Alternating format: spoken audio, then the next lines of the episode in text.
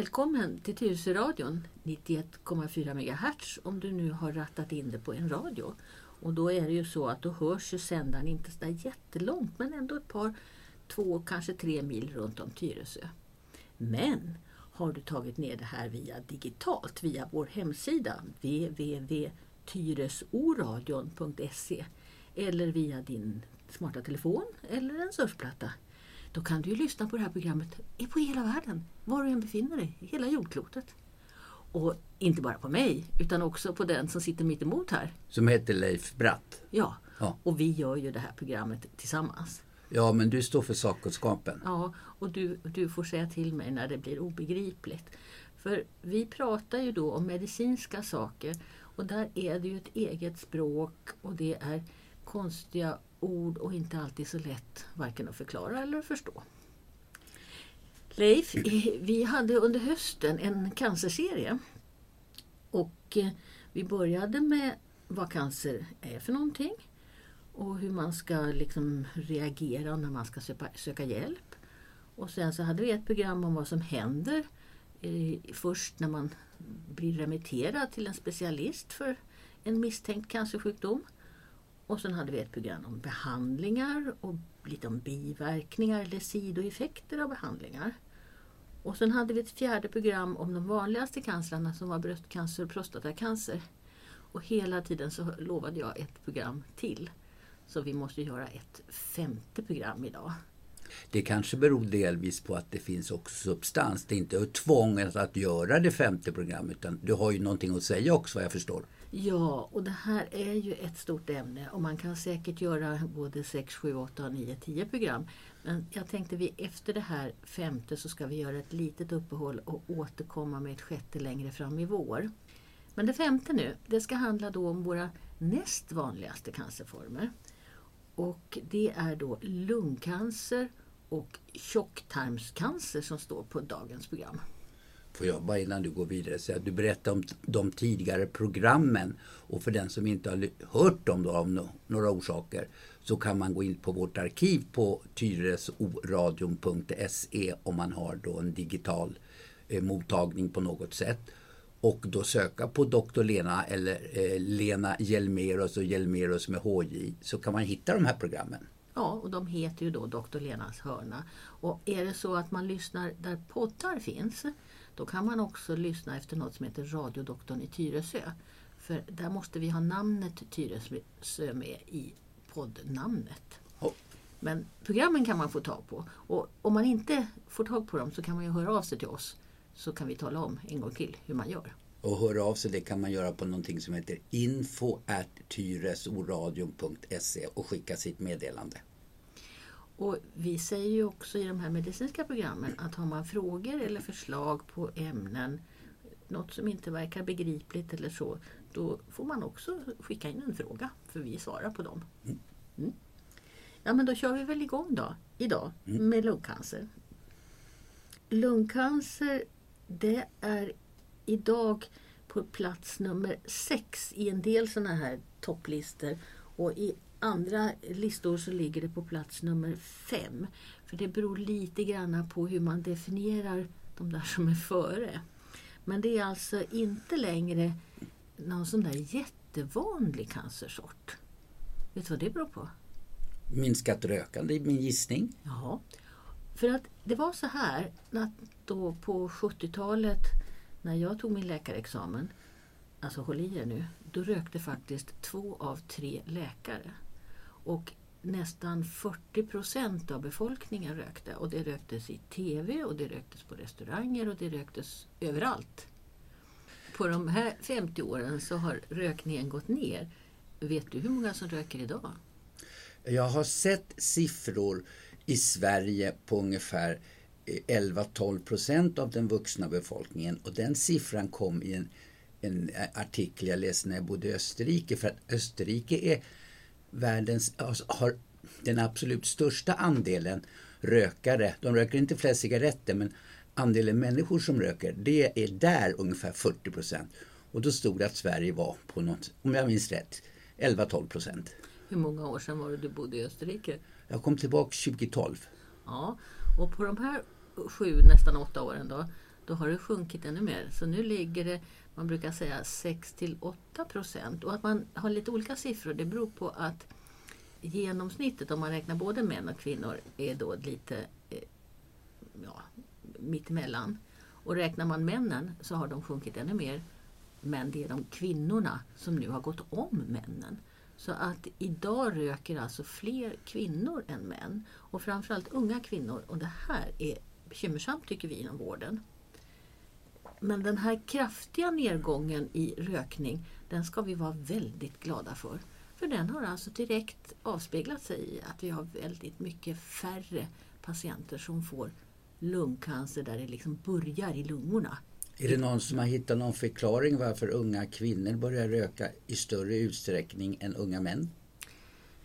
Nej, jag tror att det här är, är trender och eh, det kan vara lite coolt kanske bland unga kvinnor att röka. Men det, det, jag har ingen bra förklaring till varför just unga kvinnor är så oerhört dumma så att de börjar röka. Men då undrar jag bara så här, kan man säga av de här du nämnde ungefär 4000 fall per år. Hur många icke-rökare är det av de 4000? Vet man det? Ja, alltså här är det lite svårare. Därför att lungcancer, det finns cancer av olika sorter. Det finns, man delar grovt in det i småcellig och icke småcellig. Och den icke småcelliga, där har man i sin tur två undergrupper. Skivepitelcancer, alltså cancer som uppstår i den här tapeten på luftrörens insida, slemhinnorna.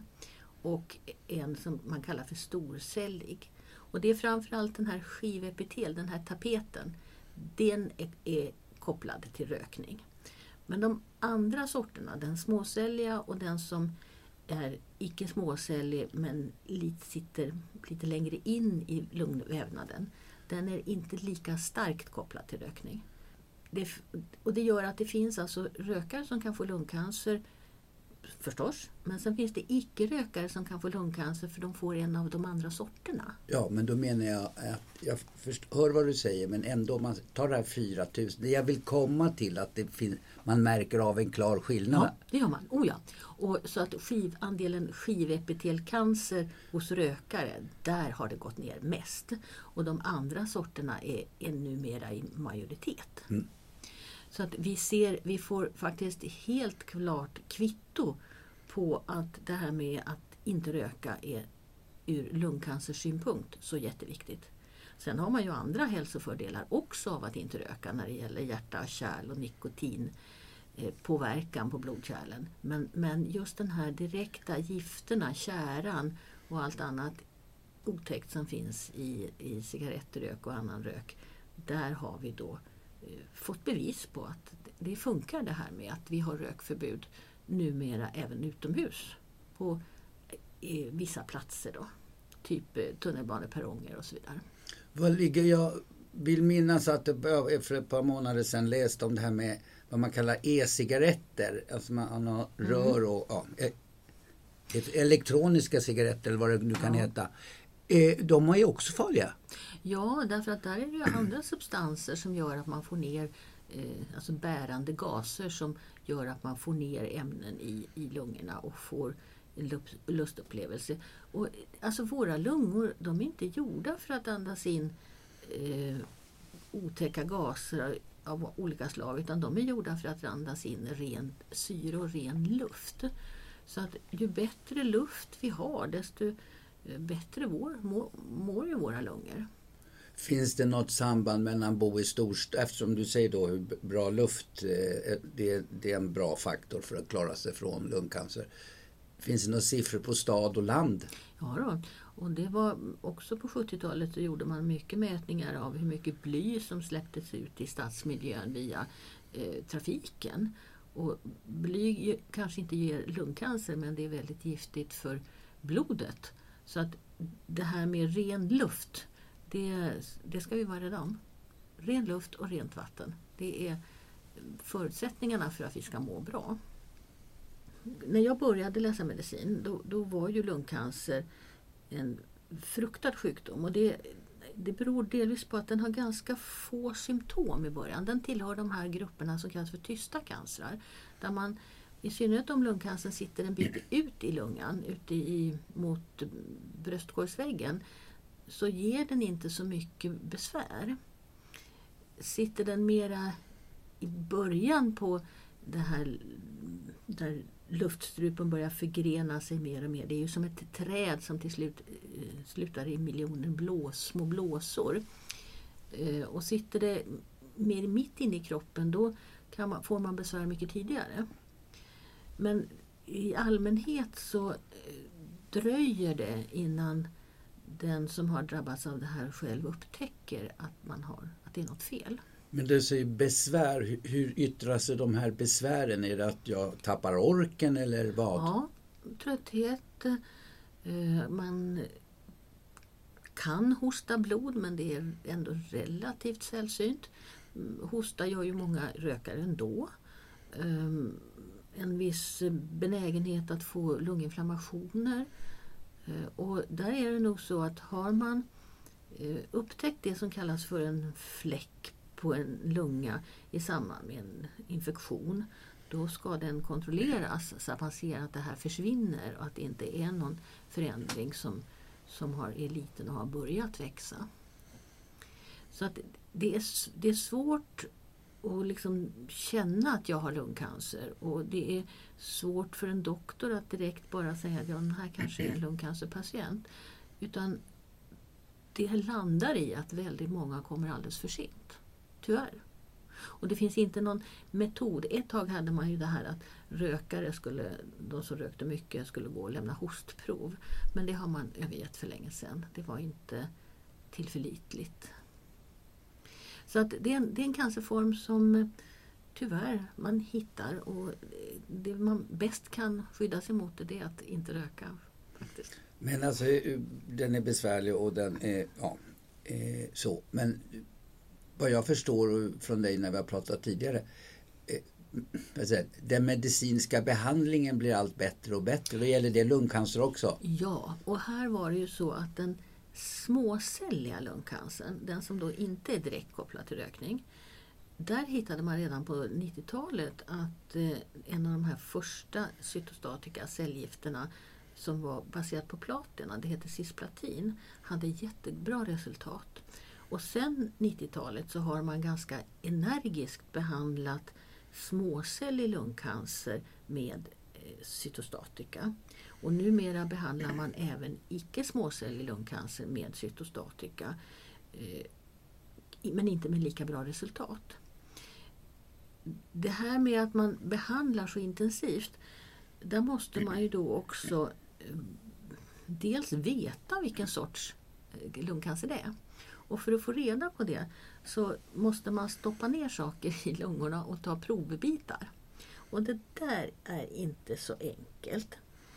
Och för att, nu pratar vi då om människor som är i 70-årsåldern och mer. Det är, kan ju finnas en och annan storrökande 50-åring men de börjar ju bli väldigt sällsynta. Och det första man måste liksom bestämma sig det är att orkar den här sjuka människan med den här typen av undersökningar? Och, och hur, långt, hur mycket har sjukdomen redan tagit på krafterna? Och därför så i den, det finns alltså en, eh, stora dokument, så kallade nationella vårdprogram, om hur man ska göra för att utreda och behandla olika cancersjukdomar. Och för lungcancer så har man då lagt ganska stor tonvikt på det här med vad är människan som det handlar om i för skick, i för fysiskt skick? Och där finns det ett ord som heter performance som betyder ungefär orka med. Eh, Prestationsförmåga kan man ja, översätta det så? Kan man säga, ja, det kan man säga. Och eh, då är, där har man gjort en, en, gradering av performance. Man har en särskild skattningsskala. Och är det så att man ligger för långt ner på den där skalan då fixar man inte undersökningarna. Eh, tyvärr. Undersökningarna det, det, det är alltså det stoppas ner då en, en liten slang i luftrören som det är ljus igenom och så kan i ända på den slangen finns det en liten klo och så kan man ta en liten provbit inifrån i luftrören. Och det, det där när man säger så här, det, det, är klart att man förstår att det där är ingen, ingen lätt grej. Och skulle man inte lyckas få tag på den där eh, lilla förändringen som man är ute efter så kan man till och med idag sticka rakt igenom kroppen utifrån och in. Sen finns det också metoden med att man försöker hitta med ultraljud, alltså en ekolod. Och då får man svälja i matstrupen en liten sån här apparat som ger ifrån sig en tonsignal som man sen kan försöka hitta då de här förändringarna på ekot. Så det är, det är en väldigt förfinad undersökningsteknik. Men allt bygger på att den som är sjuk orkar med det. För man kan ju inte ha så att någon får till exempel ett hjärtstillestånd när man håller på att undersöka lungorna. Det, det, man måste vara alltså i en viss, ett visst skick. Och de här undersökningarna måste göras inne på en lungklinik. De kan inte göras på någon mottagning eller, utan det här är undersökningar som kräver sjukhusvård. Men sen det, finns det ju då så att det finns en del där man hit, ändå hittar det här så pass tidigt så att man kan skära bort förändringen. Man kan ta bort en bit av en lunga. Och från den gamla tuberkulostiden så vet man ju att man kan klara sig med bara en lunga utan problem. Och man kan, eh, lungorna är uppdelade i olika sektioner så att det är ganska lätt att ta bort den delen där den här förändringen sitter. Alltså man kan ta bort som du ser kanske upp till halva lungan? Alltså. Ja, ja, ja. man kan ta bort en hel lunga. Mm. Jo, en, inte en hel lunga? Jo då, det kan man göra. Det gjorde man på tuberkulostiden. Det kan man göra nu också. Men vad får, hur får jag luft i, eller hur får jag syre i blod om jag inte har någon lunga? Jo, men du har ju två. Alltså, ja, ja okej, okay, det var mm. språkförbistring där. Ja. Mm. Ena halvan av den hela lungan menar jag. Kan ja, man, ja. Mm, mm. Då fatt, eh, men då måste väl också prestationsförmågan minska? Ja, ja, ja, oh, ja. Mm. och det är stora ingrepp. Mm. Visst är det det. Men det går, det går alltså att operera eh, även om det idag är cellgifterna som är den stora och strålbehandling som är den stora behandlingslinjen. Så det här nationella vårdprogrammet som jag nämnde det uppdateras varje år. Och ett tag i början på 2000-talet då satt jag med i en lokal vårdprogramsgrupp för lungcancer. Och de lungläkarna som jobbar i de här, med de här patienterna de är väldigt noga just med att det ska vara en bra livskvalitet. Eh, för eh, man ska, inte, man ska inte utsättas för väldigt stora ingrepp om det inte blir eh, bättre för patienten e-, efteråt. Jag jobbade väldigt mycket med, med den lindrande behandlingen hos lungcancerpatienter för lungcancerpatienter har alltid hamnat liksom lite mittemellan stolarna.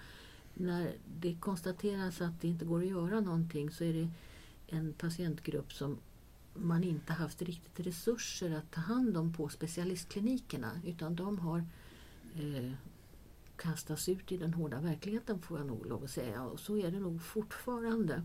Och då fyller just den här typen av avancerad sjukvård i hemmet en väldigt stor funktion för de här patienterna. Är det smärtlindring vi pratar ja, om då? Ja, smärtlindring och även lindring av andningsbesvär förstås. Mm.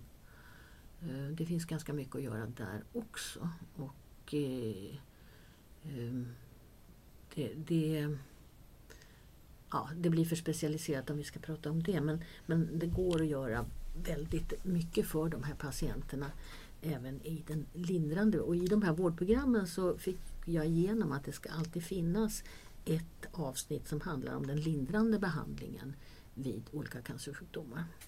Får jag bara fråga dig så här då, hoppa lite. Eh, vi pratar om symptom och märker av det. Eh, man pratar ibland om ärftlighet. Eh, om man har så att säga, lungcancer i släkten, eh, finns det någon koppling där? Nej, inte så direkt. Däremot så kan det ju vara så att om mamma och pappa rökte så är det stor, eh, ganska vanligt att även barnen röker. Så föräldrarnas livsstil eh, har ju påverkat den nästa generationen. Sen finns det enstaka specialvarianter av lungcancer. Eh, det finns en form av lungsäckscancer som är ärftlig. Och där var det en, litet by, en liten by i Turkiet som vi fick väldigt många invandrare från. Och där nästan alla utvecklade den här ärftliga formen. Men det är ju så speciella saker man, när det gäller småcellig lungcancer, eh, den som anses känsligast för behandling, där har man letat väldigt mycket efter olika gener och det gör man nog fortfarande för att kunna skräddarsy vilket eh, cellgift man ska ge i första hand. Och här handlar det alltså inte om ett, två eller tre preparat utan det handlar om 50-60 olika medel som man använder i behandlingen då av det här. Eh, småcellig lungcancer som har cytostatika behandlats där hade man alltså väldigt bra resultat. Och det finns en sidoeffekt som jag som geriater har kommit i kontakt med och det var att man hade en period när man i förebyggande syfte gav alla med småcellig lungcancer strålning mot hjärnan för att inte det skulle sprida sig till hjärnan. Men 15-20 år senare så har jag som geriater träffat de här patienterna med en, en väldigt speciell form av demenssjukdom. Det visste man ju inte då på den tiden när man gav den här eh, strålningen mot hjärnan. Men det, det, man ska vara medveten om att det här är starka behandlingar och de kan ge effekter många år senare på oväntade sätt. Ja, för, eh, du använder det där ja, medicinspråket, geriatriker kanske vi ska säga. Ja, jag är ju då äldre specialist. Ja.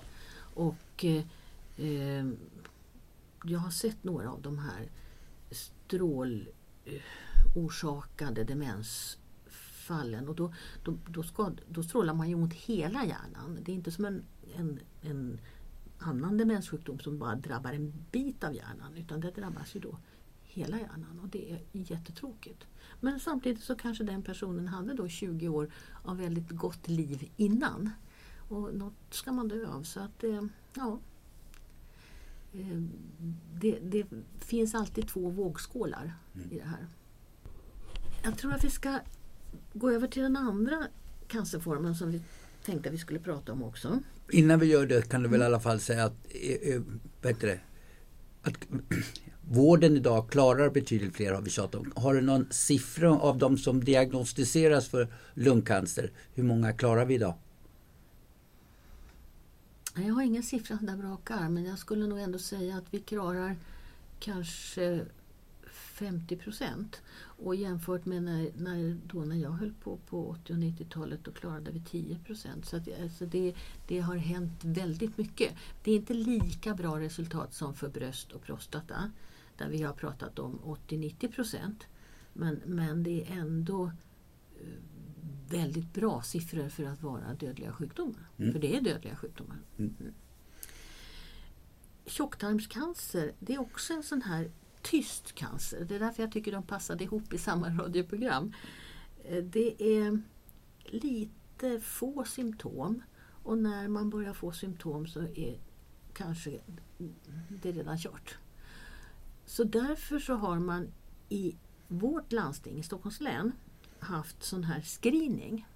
Där man alltså aktivt har letat efter patienter som skulle kunna drabbas av tjocktarmscancer. Det är inte alla landsting som har gjort det men, men Stockholm har gjort det. Och det har gått till så att mellan när man har fyllt 60 och fram till 70, den tioårsperioden, då får man vartannat år med posten ett litet brev. Det har du fått också? Va? Ja. ja. Och där ska man då smeta ut lite, lite avföring på en speciell ruta och så ska man klistra igen och lägga det på posten och skicka tillbaka det. Och det är för att se om det finns blod i avföringen. Och för de som nu i år, 2020, kommer att få ett sånt här litet brev, då ska man vara född antingen 1952, 1954, 1956, 58 eller 1960. Och de som är födda 1960 det är första gången som ni får det här lilla brevet. Och Det här ska man fylla i och skicka tillbaka.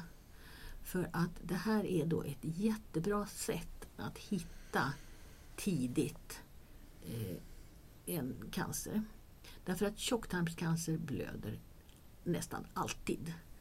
Eh, och man får Eh, man brukar, jag för mig att det är tre kuvert man ska, så det är inte bara en gång man smetar på det där utan man, man smetar, skickar tillbaka flera kuvert. det är eh, fortfarande inte en sån där jättevanlig sjukdom men den är vanligare än lungcancer. Den ligger på fjärde plats med ungefär fyra, ja någonstans mellan 4 500 5 fall per år. Och eh, en del eh, kirurger hävdar att det är ännu vanligare. Eh, men det här, när man tittar på såna här tabeller och statistik så är det så att allt som har med huden att göra, alla cancerformer i huden, de kommer inte alltid med på de här listorna beroende på att hur man delar upp dem i undergrupper. Men om man tar med hudcancer som hel grupp, då ligger det före tjocktarmscancer. Men det är alltså ändå en, en vanlig cancerform. Tyvärr är det så då att eftersom det är en sån här tyst svårupptäckt så är det ungefär eh, en av fyra där det är kört från början. Men tre av fyra hittar man så pass tidigt så att man kan behandla. Och om man tittar på överlevnaden ändå så har den nu ökat och den är bättre än lungcancer så den ligger ungefär på 60 procent. Och då, då är det hela gruppen, även de som kommer in med eh, spridning. En, en tjocktarmscancer den, den eh, är oftast bara lokaliserad till tjocktarmen och då gör att den är lätt att skära bort. Eh, så att kirurgerna de kapar den biten. Även där då så är det ju, det är ju en operation men det är inte samma man, man, räknar, man håller inte på att prata om, om performance-skala när det gäller tjocktarmscancer utan här skär man oavsett hur, hur dålig man är. För det är ändå en, en lindrigare, en, en, eh, att ta bort en bit tarm det klarar även en väldigt sjuk människa. Antingen skarvar man ihop de här bitarna direkt, om det är en liten tumör, om det är en liten, man brukar ibland prata om polyper, men är det en lite större tumör då får man nog ändå räkna med att tillfälligt ha en påse på magen. Det är det vi kallar stomi. En stomi, ja. Och på en eh, tjocktarmscancer så lägger man ofta en dubbelpipa, det vill säga en, en om ni tänker en gevärsmynning. Så ett, ett, ett, en dubbelpipa det är alltså två hål. Eh, det syns inte så mycket, man, man har bara en påse på magen. Men det finns två öppningar Eh, en för det som kommer uppifrån och en för det som eventuellt tömmer sig nerifrån. Men för, för det, om man, du pratar om polyper på tarmen, alltså mm. insidan mm. av tarmen. Mm. Då, man kan väl ha icke-cancerogena polyper ja, också? Men man ska, hittar man polyper, säg att någon då har, fått, har, har fått ett kavär och så har de lite blod i avföringen och så får man gå på en undersökning när man tittar in i, med ett sånt här slang igen med lyse och så ser, ser, man polyper, då tar man alltid bort de polyperna, man bränner bort dem. Därför att polyper kan utvecklas till cancer. Och det finns, där finns det en ärftlig sjukdom med väldigt mycket tarmpolyper. Och där kan det faktiskt till och med hända att man tar bort en större bit av tarmen rent förebyggande för där vet man att de kommer att få cancer. Så polyper i tarmen ska i princip bort. Eh, men de kan ju då även vara godartade. Men då, då bränner man bort en polyp då behöver man inte ha någon påse på magen. Utan det är först när man börjar skära sönder tarmen som man behöver en påse på magen. Tills det liksom har läkt. Och i allra flesta fall så kan man sen eh, sy ihop och lägga ner den här eh, stomin. Då. Lägga tillbaka den, lägga, sy ihop den och lägga tillbaka den. Så det behöver inte vara att man ska ha på sig på magen för all tid och evighet. Utan man kanske får ha på sig på magen ett halvår, ett år. Och sen så kan det läggas ner igen. Men det där är lite olika för hur, hur spritt det är och hur stort det är och lite hur det ser ut. Du eh, förbannade ju rökning, eh, mm. förlåt språket. Men ja. Du, ja. Eh, finns det några livsstilsfaktorer när det gäller tarmcancer? Alltså ja. vad man bör undvika? Ja, alltså, Rökning är ju ofta förknippad med alkohol och allmänt lite osundare liv, får man säga så? Mm. Mm. Det man vet är att man normalt så mår man bättre om man har en fiberrik kost, det vill säga man ska äta grönsaker. Om man inte alls äter grönsaker och röker och dricker, då har man en större risk att få tarmcancer. Så fiber, fiber är bra. Ehm, det håller liksom tarmen igång. Och det är nog också så att kroppen har ju ett eget väldigt spännande försvarssystem. Vi pratade i våras om immunsystemet. Immunsystemet i kroppen hör till det som vi fortfarande inte alls riktigt har helt full koll på hur det funkar.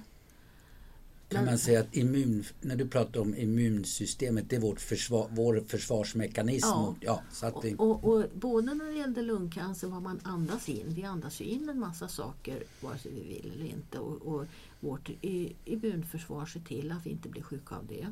Och likadant så får vi ju eh, i oss en hel del, inte minst eh, främmande kemiska ämnen, konserveringsmedel och sånt där eh, i vår mat. Det finns ju mycket tillsatser i maten. Och vårt immunsystem ser till att eh, vi inte blir sjuka av det vi äter. Här i behandlingen så använder man sig mer och mer nu av olika typer av behandlingar som liksom stimulerar immunsystemet och man börjar skräddarsy antikroppar Eh, som man kan tillföra som alltså hjälper till att döda cancercellerna. Här pågår det väldigt mycket forskning. Och det tycker jag är så spännande för att det är forskning där man tar tillvara kroppens egen förmåga att försvara sig mot cancer. Och för den nu som inte hörde första programmet, cancerceller uppstår ju väldigt ofta av en mutation. Det blir en liten skada i DNA i en cell och så får den här cellen tappar sina kontrollfunktioner och löper amok och börjar dela sig. Och det kan hända alltså i vilken sorts cell som helst i hela kroppen. Men det är klart att de här cellerna i lungorna och i tarmen, de är ju speciellt utsatta för främmande skador av, av andra medel. Så grönsaker och en sund livsstil och inte bli för fet.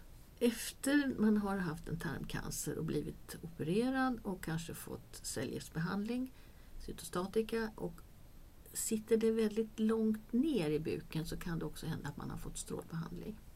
Ja, både män och kvinnor kan få en hel del problem med tarm och sexualliv efter en eh, operation av tjocktarmscancer.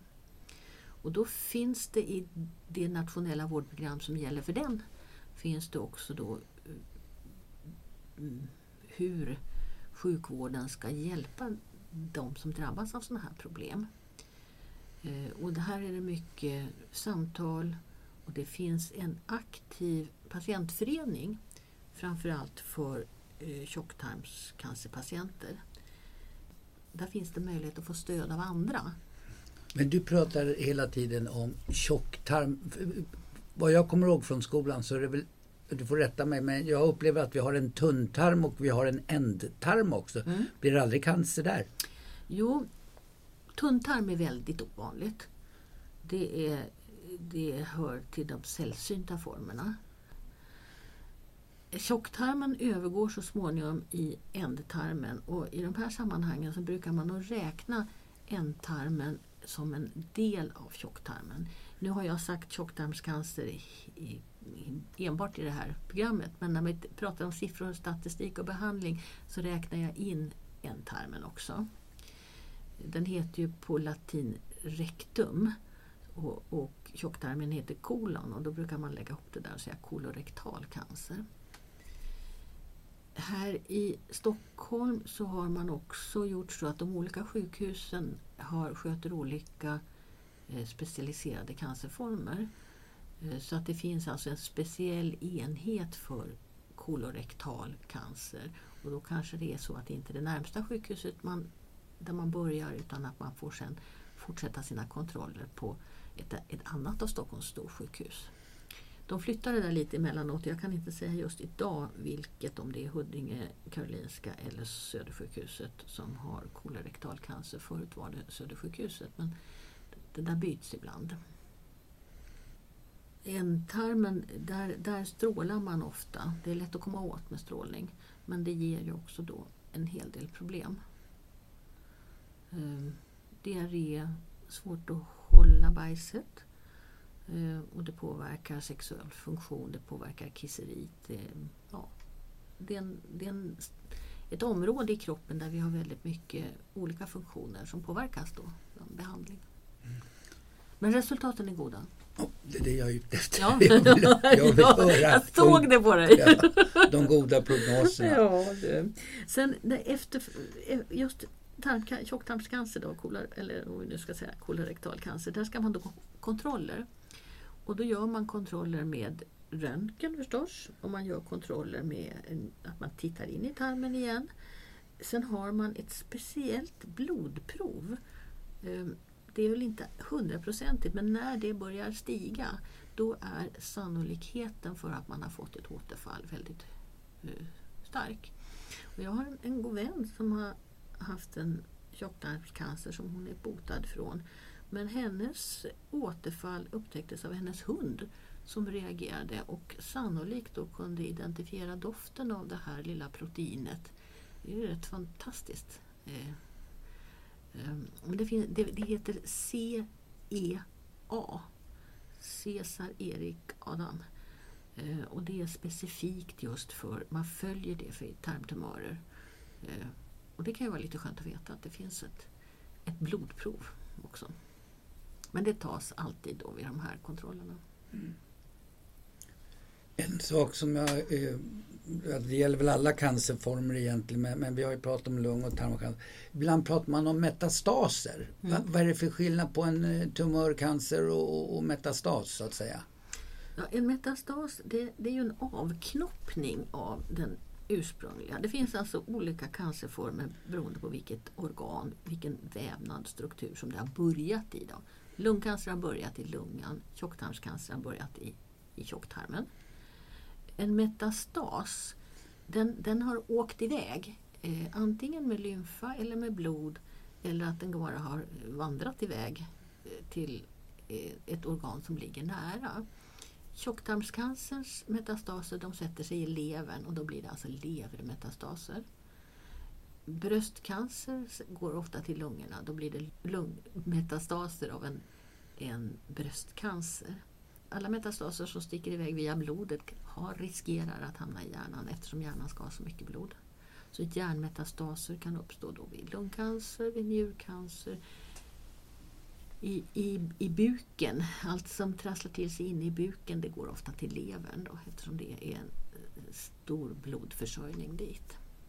När jag började läsa medicin då hade man redan upptäckt att om man hade en njurcancer eh, som hade en metastas i lungan och så tog man bort njuren då kunde metastasen i lungan försvinna av sig självt. Det här visste man inte alls varför. Men det är alltså ett sätt som kroppen själv då med sitt immunförsvar kan ta bort en del metastaser om primärtumören försvinner. Eh, Och det är det här man nu utnyttjar med de här olika medicinerna som påverkar immunsystemet.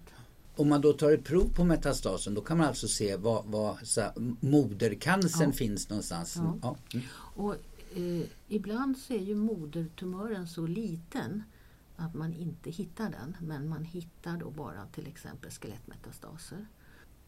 Då får man ibland gissa.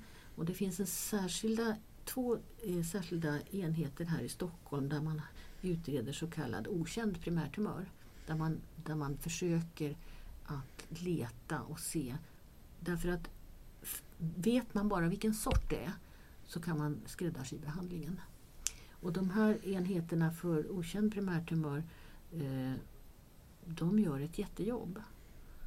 Ehm, och tack vare att, att de eh, utreder systematiskt så är det ytterligare människor då som får en chans att bli bättre.